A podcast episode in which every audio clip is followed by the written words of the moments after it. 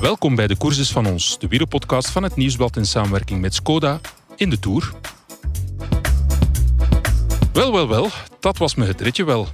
Een dutje doen tijdens de koers kan soms deugd doen, maar gisteren even niet. Want er werd geschiedenis geschreven op de Col du Granon. Voor het eerst sinds zijn tourzege twee jaar geleden zagen we Tadej Pogacar in de problemen. En geen klein beetje. Jonas Vingegaard reed 2 minuten 51 seconden van hem weg en staat plots stevig in het geel.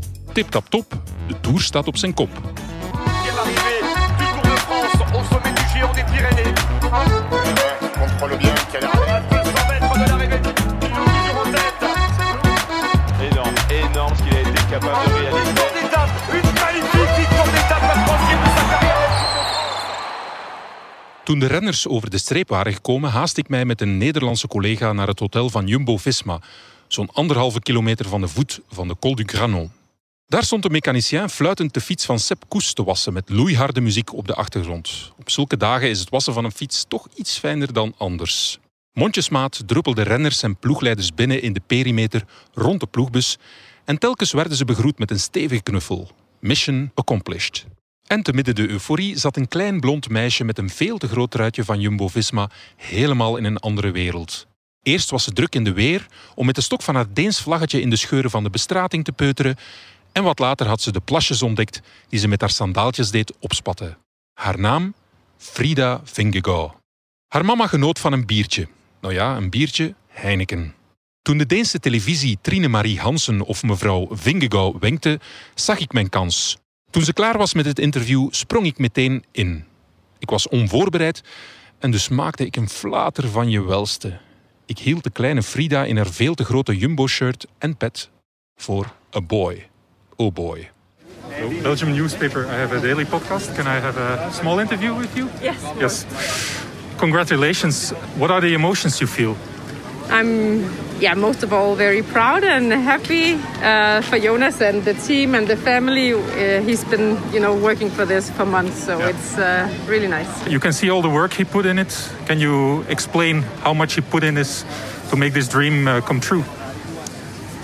I think all riders, uh, all professional riders, and all who has like a professional work life, they know that it it costs, you know, with the, the kids and all, and you have to train every day. You have to live on a diet. It's really focused all the time. So yeah, it's yeah, it's uh, yeah, it's a hard life, but it's worth it when this happens. On these days, it's worth it. Did he believe in it before the Tour de France that this was possible? Yes, we talked about uh, these stages a lot and how to win it. And yeah, the more you talk about it, the more you visualize it, the you know, the easier it, it gets to to actually obtain it. So You follow him through the whole Tour of France, or it's coincidence that you are here? we, he had uh, he has handpicked, you know, the stages that he will win. So. Uh, Ah, okay, you knew it. No, no, but yeah, we will see the stages that he has a chance to win. Yeah. But this is, little one doesn't like driving, so Yeah, we'll see. yeah, yeah. How did you uh, do? Did you follow the, the race today? Uh, where did you follow it, and, and what were your emotions?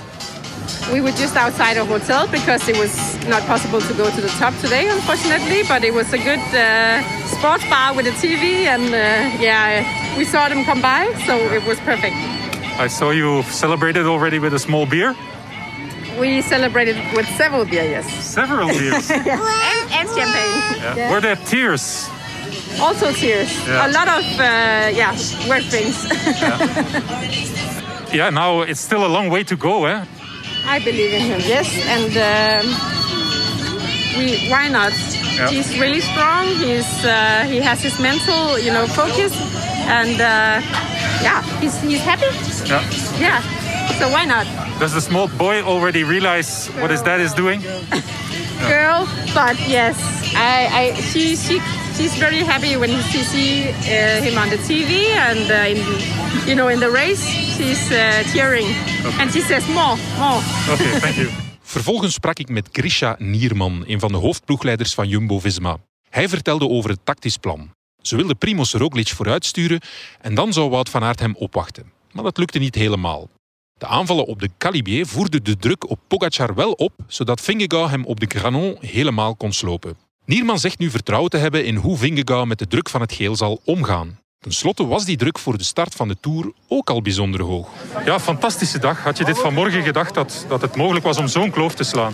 Nee, ja, je hoopt het altijd. Gedacht zeker niet. En, uh, en uh, ja, we zijn blij dat het dat is gelukt. Je had deze etappe wel aangekruist om Pogacar onder druk te zetten. Er was een plan met Primos die zou aanvallen. Leg eens uit. Nou, volgens mij hebben jullie het gezien dat hij een hele aantal keer heeft aangevallen. Kijk, we dachten, ja, Primos uh, moet uiteraard met drie minuten achterstand... moet hij niet meer wachten op een uh, op een, één op één gevecht in de laatste kilometer. Dus die moet van ver gaan. Waar de mannen voor, voorop die op hem zouden kunnen wachten. En we wilden de koers hard maken. En uh, nou, in ieder geval de koers hard maken, dat is zeker gelukt. En, en uh, daarvan heeft Jonas op laatst gewoon uh, van kunnen profiteren. En dat was het de tweede deel van het plan. Primos geraakt inderdaad niet weg. Jullie hebben dan de koers wel al hard gemaakt. En dan is het dan omschakelen, improviseren. Wat wordt er dan gezegd of gedacht? Of is het Jonas zelf die aangeeft van ik ga dit wel nou, nou, wij wisten van nou, als, wij, als wij niet wegraken, als, wij, als Primos niet voorop geraakt, als wij Pogacar niet eraf kunnen rijden, dan komt het op de laatste klim aan. Dan willen wij een hoog tempo op de laatste klim. Um, Wout heeft nog gereden om ook de etappezege nog binnen handbereik te hebben. En uh, ja, uiteindelijk heeft dat dus allemaal, dat stuk allemaal perfect gewerkt. Maar, uh, je maakt altijd heel veel plannen voor een koers en, en die komen niet altijd helemaal zo uit. Maar uiteindelijk uh, mogen we vanavond tevreden naar bed gaan. Ja. Wat was de gesteldheid van Jonas vanmorgen? Had hij er echt zin in? Was het met het mes tussen de tanden? Ja, hoe, hoe, was hij vanmorgen? Ja, volgens mij het laatste wat hij tegen mij zei voordat hij vertrok... was dat hij zei, I think I can win today. So. Mooi. Hij heeft het ja, dat heeft hij wel gedaan. Nu zitten jullie in een andere situatie. Jullie hebben die gele trui. Dat is dan verdedigen of toch nog weer aanvallen? Of hoe bekijken jullie dat? Ja, nu maken we mooie pl nieuwe plannen en uh, dat gaan jullie morgen zien. Er wordt soms gezegd van ja, Jonas, dit is een nieuwe situatie voor hem. Echt als leider in zo'n grote ronde. Zeg eens, waarom hebben jullie vertrouwen in hem dat hij die druk gaat kunnen dragen? Nou, ik denk dat hij als een van de favorieten hier ook van stad is gegaan. Heel Denemarken stond op zijn kop uh, bij de ploegenpresentatie. Ik denk uh, dat er voldoende druk is op hem. Al voordat hij de, de gele trui nu om zijn schouders had. En uh, daar zijn we niet bang voor. In 2020 is het alsnog misgelopen. Hebben jullie daar heel veel lering uit getrokken? Gaan jullie nu met die situatie anders om als ploeg? Ja, we hebben toen geleerd dat, dat we de gele trui in Parijs moeten hebben. En, en niet naar het 11.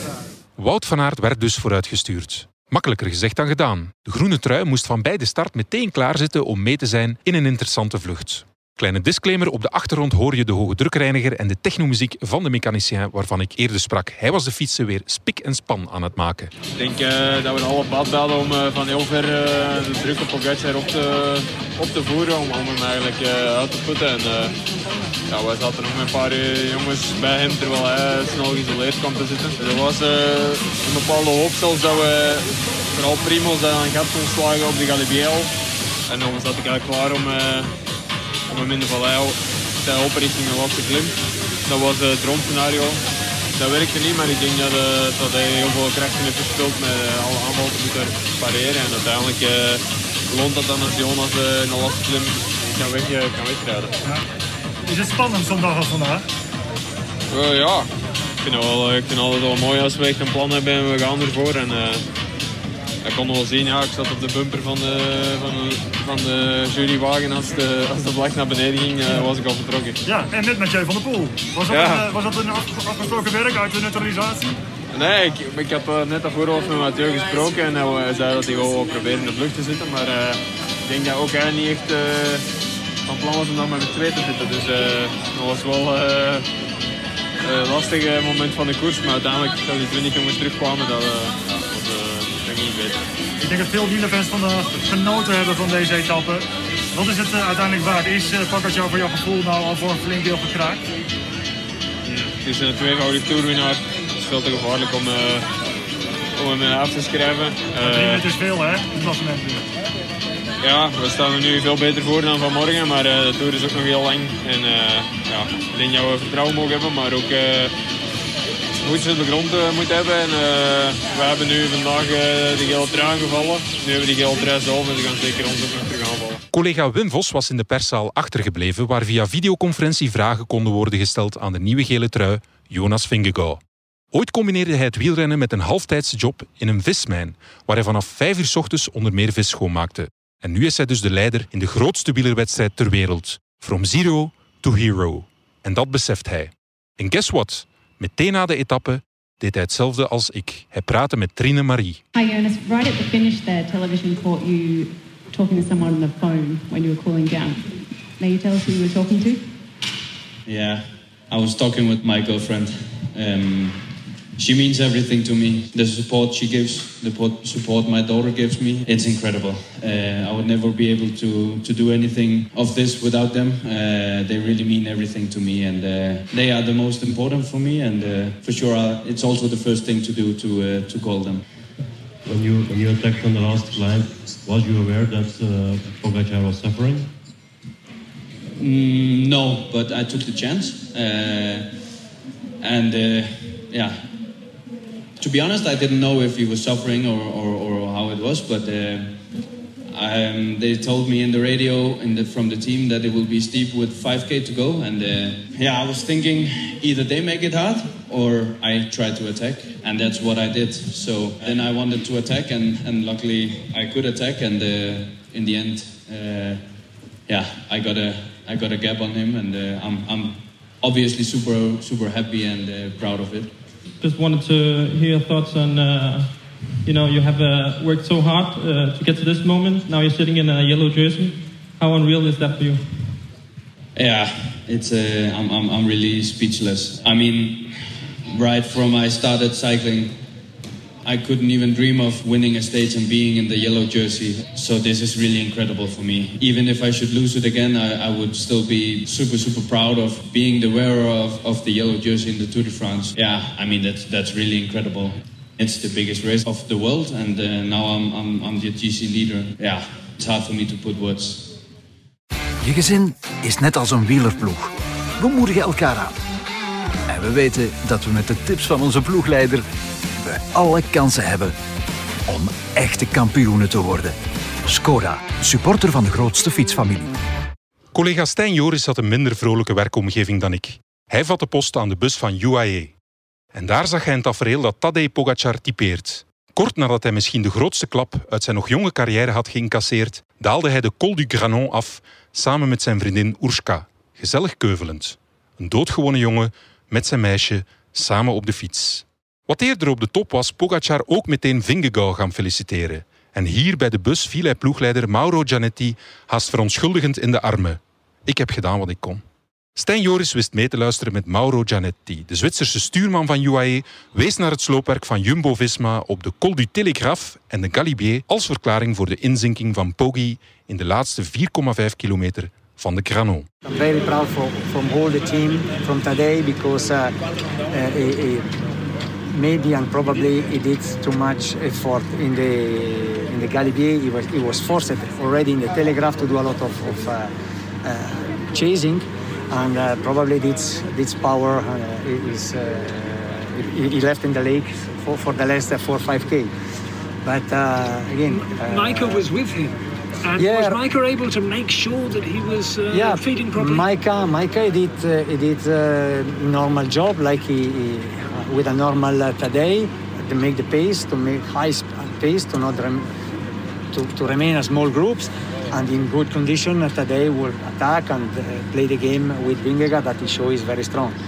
And today uh, Vingegaard he made the difference. He was stronger. He, he, he- left some some energy in the last uh, four five k to make this big difference. And of course, there's been uh, COVID in the team.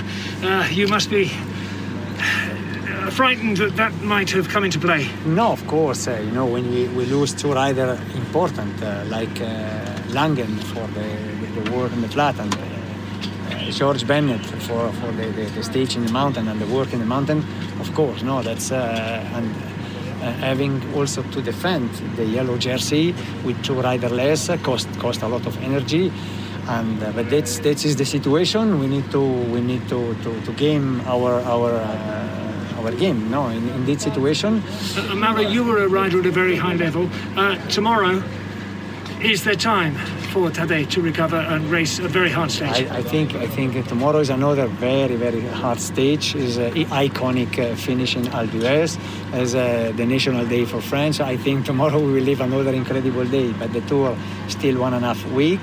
Uh, of course, today uh, Vingegaard and, and Jumbo they show they are very strong. But again, no, we are here and uh, we will enjoy this tour until the end, uh, thinking and believe that is uh, is possible. We know it uh, will not be easy, but we need to play our game and day by day. Aan de voet van de slotklim zagen we een laatste keer Tadej Pogacar, de ongenaakbare halfgod. Nadat Jumbo-Visma hem al twee beklimmingen onder druk had gezet, werd hij lachend en dollend met de camera in beeld gebracht. Maar op de Col du Granon leerden we dat Pogacar dan toch een mens is van vlees, bloed, zweet en tranen. Hij blijft een ongelooflijke kampioen, een heerlijke persoonlijkheid en een geweldige atleet, maar wel kwetsbaar. Het is een nieuwe realiteit waarin we sinds 13 juli 2022 leven. Uh, Galilea, I still felt good, really good. I was, uh, yeah, I got uh, a lot of attacking from Jumbo. They were really good today, and uh, yeah, then on uh, the last climb, I don't know, I just didn't have a good final day, and uh, yeah, um, I was suffering until the end. Yeah, what was it? Uh, lack of food, lack of uh, too many attacks from Jumbo? I don't know, maybe maybe all, but uh, maybe also not uh, not the best day. Um, but uh, yeah, we will see tomorrow if uh, if I can do better. Yeah, because there's still a smile on your face. There's still a lot of stages to come. You want revenge. I'm in the revenge. I want to race until uh, until the end. I want to give it everything and uh, to, to have no regrets. Were you impressed by Jumbo? Primoz attacking you, then Vingegaard, then Van Aert at the front. That was something. Yeah, they played it really smart. Uh, for us, it's really hard to control at the start who goes to breakaway because yeah, we are we're not uh, many guys anymore, and uh, yeah, we tried, but uh, in the end, Van Aert and Laporte were in front, and uh, they played like tacti- tactically today. They really did, a good job, but yeah, uh, was that was it. you lose two minutes, 15 minutes, or 50 seconds today. Nothing is over. Oh, it's not over yet. Uh, we know I lose today three minutes, maybe tomorrow I gain three minutes. We see. Uh, I will. Uh, I will keep fighting till the end.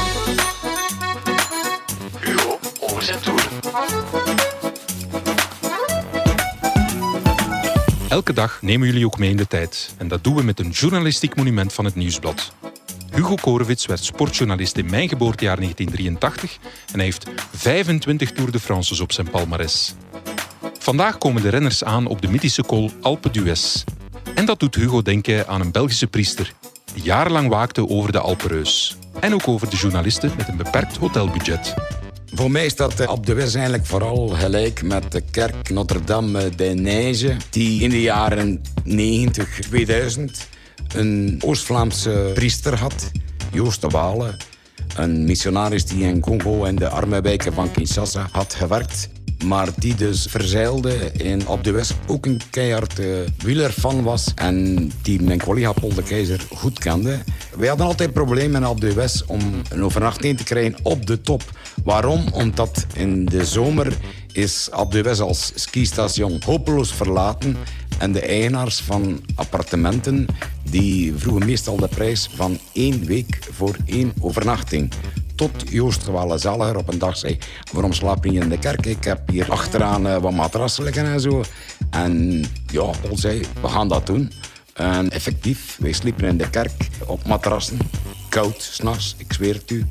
Maar tegelijkertijd dikke, dikke muren. Want op Alpe d'Huez is er altijd feest. En als je op een appartement in Alpe d'Huez s'nachts probeert te slapen... hoor je wel de muziek van een of andere pub...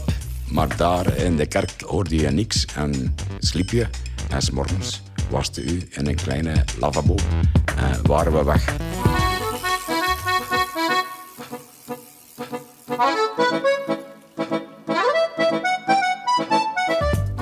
We zijn aan het einde gekomen van deze podcast waarin ik jullie meenam tijdens een historische wielerdag. Vandaag meer van dat met de mythische beklimming van Alpe d'Huez. Slaat Pogacar terug of incasseert hij een nieuwe uppercut en gaat hij helemaal KO? Geniet van de rumble in de Alpen. Morgen zijn we er weer vanaf 7 uur s ochtends dankzij Skoda. Tot dan!